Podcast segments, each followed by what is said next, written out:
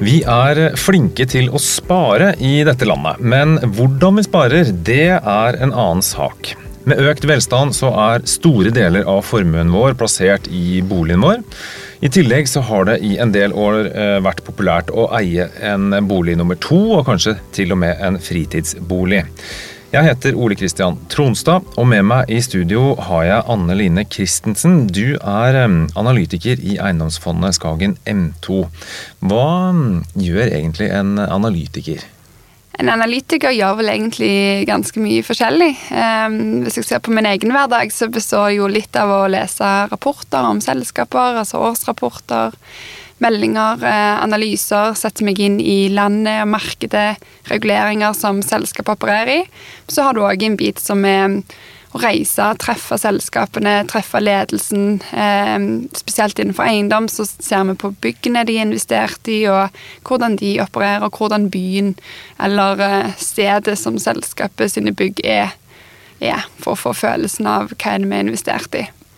Du, dette driver du på fulltid eh, med. Ehm, for oss andre så er jo spørsmålet da, er det sånn at vi eh, eier for mye eiendom i dag? Det er jo litt eh, vanskelig å svare på hva er fasiten, men i Norge så er vi jo skatteinsentivert til å eie bolig og eiendom, og det gjenspeiler seg jo kanskje at vi er på topp, eller i toppen, i hvert fall, i verden på andel av befolkningen som eier egen bolig, eh, som er rundt 80% mot eh, våre naboer i Sverige og Danmark, som ligger på 60-65 som eier nok mer enn snittet i verden. Eh, om det er bra og dårlig, det tror ikke jeg skal mene så mye om, men, men det jeg ville fokusere på, er um, eiendom som investeringsobjekt. At der har du et godt alternativ som er eiendomsfond.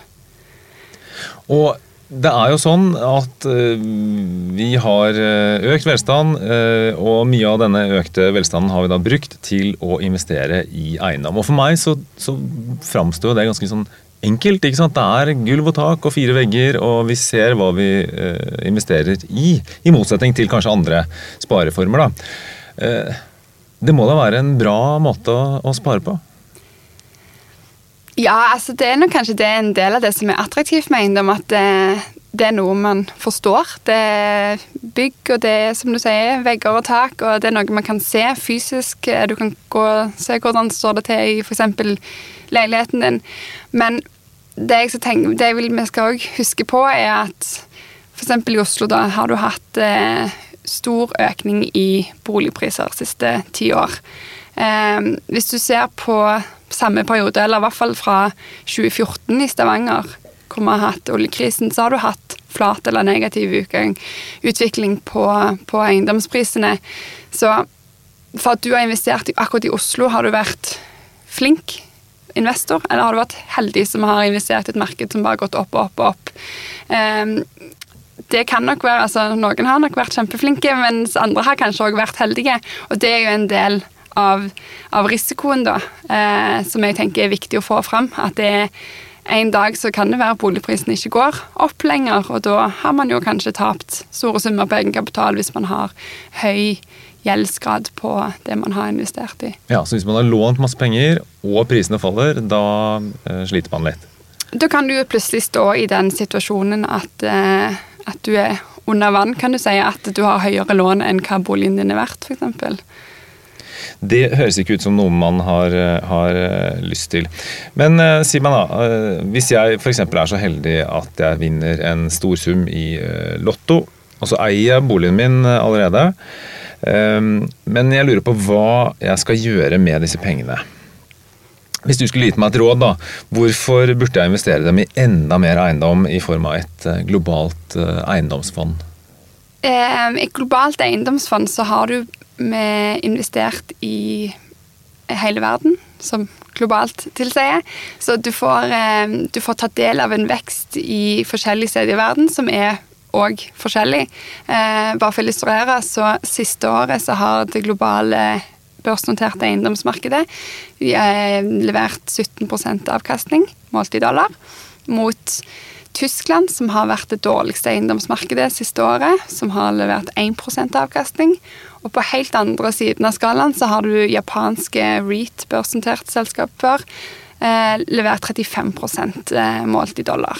Så da har du 34% forskjell i avkastning. Så det viser jo hvor stor svingninger det er i verden, eh, og at markedene er lokale, og det er stor forskjell på dem. Mm.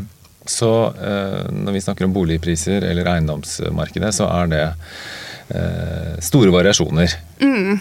Og det er jo òg store variasjoner i typen av eiendom man kan investere i. Så, så, vi har jo snakket mye om bolig, men det er jo bare en liten del av det vi i et eiendomsfond ville investert i. Vi har jo andre typer eiendommer som f.eks. lagerbygninger, eh, kontorer, minilagre til folk som bor i storbyer med liten plass og trenger ekstra lagerplass datasenter. Så du har mye større spekter av ting du kan investere i i et eiendomsfond som kanskje ikke er like tilgjengelig for en eh, privatperson, i og med at det er så store eh, kapitalutlegg for å komme inn, og så er det bare det er ikke noen tilgang til sånne type prosjekter. Så det er òg en fordel man kan få i et fond. Så selv om jeg da vinner eh, liksom, førsteprisen i Lotto, så er det ikke sikkert at jeg engang får tilgang til en del av de prosjektene som dere i Skagen M2 investerer i?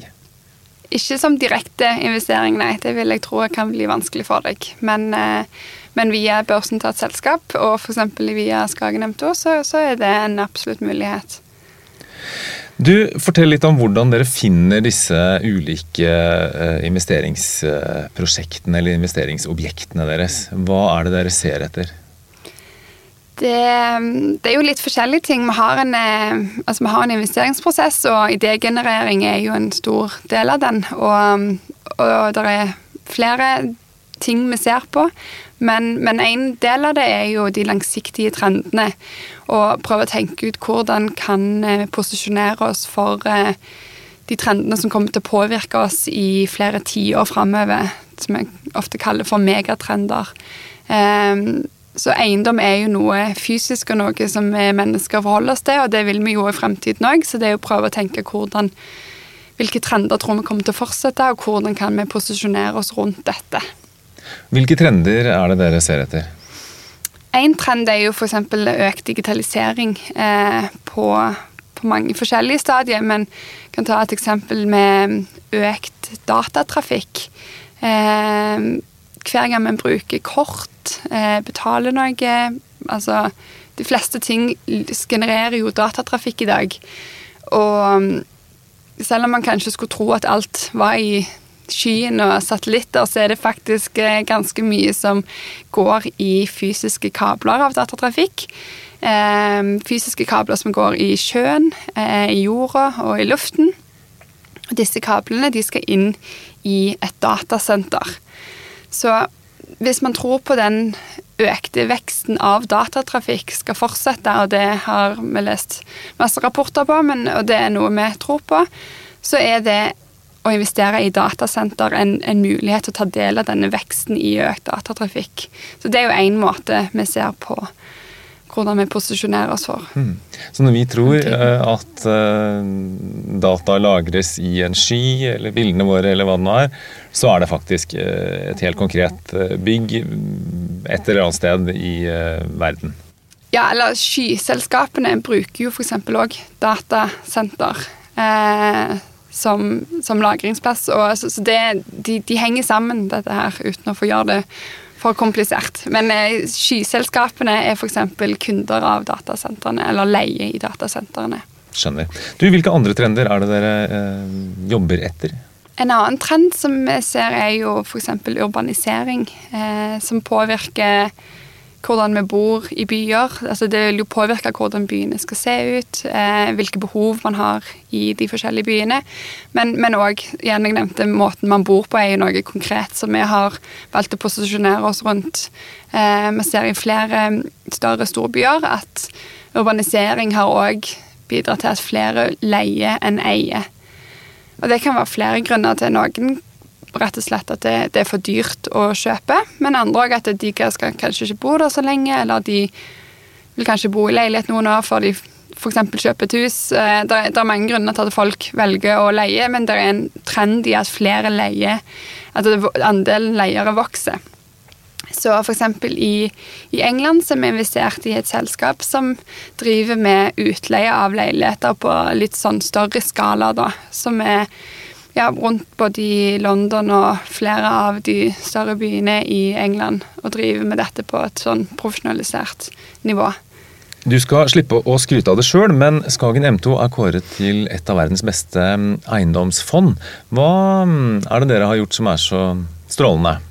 Det er jo et veldig stort spørsmål, og jeg tror kanskje, kanskje et spørsmål som min eh, kollega og forvalter av fondet, Mikkel Gobitsjek, eh, skulle svart på. Men, eh, men det jeg kan peke på, er jo nok to ting. og Det ene er nok Skagen sin langsiktige verdibaserte filosofi, som vi har i Skagen M2 òg.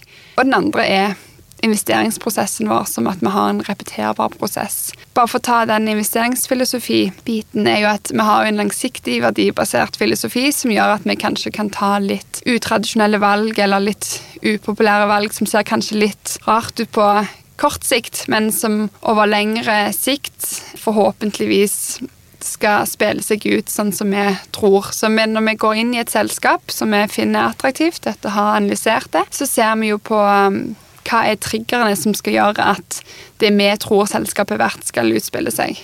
Så selvfølgelig kan vi ha feil, men, men, men vi, vi i hvert fall identifiserer liksom, hva er triggerne, og hvordan skal dette skje. Og så har vi ofte en mye lengre horisont enn de andre aktørene i markedet. Og det er jo noe som gjør en fordel for oss, vil jeg si. Eh, I forhold til investeringsprosessen så har vi jo en veldig repeterbar prosess. Vi har degenereringsfasen og analysefasen, som kanskje er de to som jeg jobber mest med som analytiker. Så har du òg en viktig del som er den porteføljekonstruksjonsbiten. Altså Én ting er at selskapet er bra og analysert, og dette tror vi på, men det skal òg passe inn i porteføljen. For vi ønsker å lage en portefølje som, som er, eh, har litt forskjellige komponenter. Altså at vi kan ikke ha alle være superrisikofylte, så du må ha, og ingen mer stabile. Så, så vi har en balansert portefølje som, hvor du har noen som jeg vet Min kollega bruker veldig mye fotballanalogier. Sånn, noen spisser og noen forsvar for å liksom ja, det blir et lag med forskjellige komponenter som gjør at du får en balansert risiko- og avkastningsprofil. Så det er òg en veldig stor del av investeringsprosessen er denne porteføljekonstruksjonen og hvordan vi, hvilke størrelser vi legger oss på i de forskjellige selskapene, altså hvor mye vi investerer i de forskjellige ut ifra risiko- og avkastningstanker. Du, La oss oppsummere litt. Eh, hvorfor syns du at eh, vi bør investere i et eh, globalt eiendomsfond? Syns det er flere grunner til det. Vi har jo vært litt inne på det. Altså du, I og med at det er globalt, så sprer du risikoen din på forskjellige markeder. Så har du òg den der komponenten med at du har tilgang til de utradisjonelle segmentene. Jeg nevnte jo datasenter, men du har jo veldig mange andre segmenter som vi ikke har snakket om i dag, men helsesektoren har masse spennende muligheter. Altså, du har mange spennende segmenter som du kan investere i via et fond. Så har du òg den med at i et fond så har du faktisk eh, likviditet. Eh, du kan kjøpe og selge andelen din hvis du får pengene dine tilbake i morgen hvis du skulle ønske det. Ja, Så du kan få ut pengene dine på dagen, eller ja? Ja. Så vi anbefaler jo at hvis du faktisk vil gå inn i et fond, at du har lang horisont. Men du kan alltid få pengene dine. Det, det, er ikke som at hvis du skal selge en bolig, at det kanskje kan være litt dårlig marked, og det kan være eh, få kjøpere, og du må kanskje gå veldig mye ned på prisen. I et fond så har du vi har daglig opp, oppgjør, så det er jo òg en fordel for de som ønsker den muligheten. Det lar vi være siste ord i denne sammenheng. Takk til deg, Anne Line Christensen, og tusen takk for at du hører på.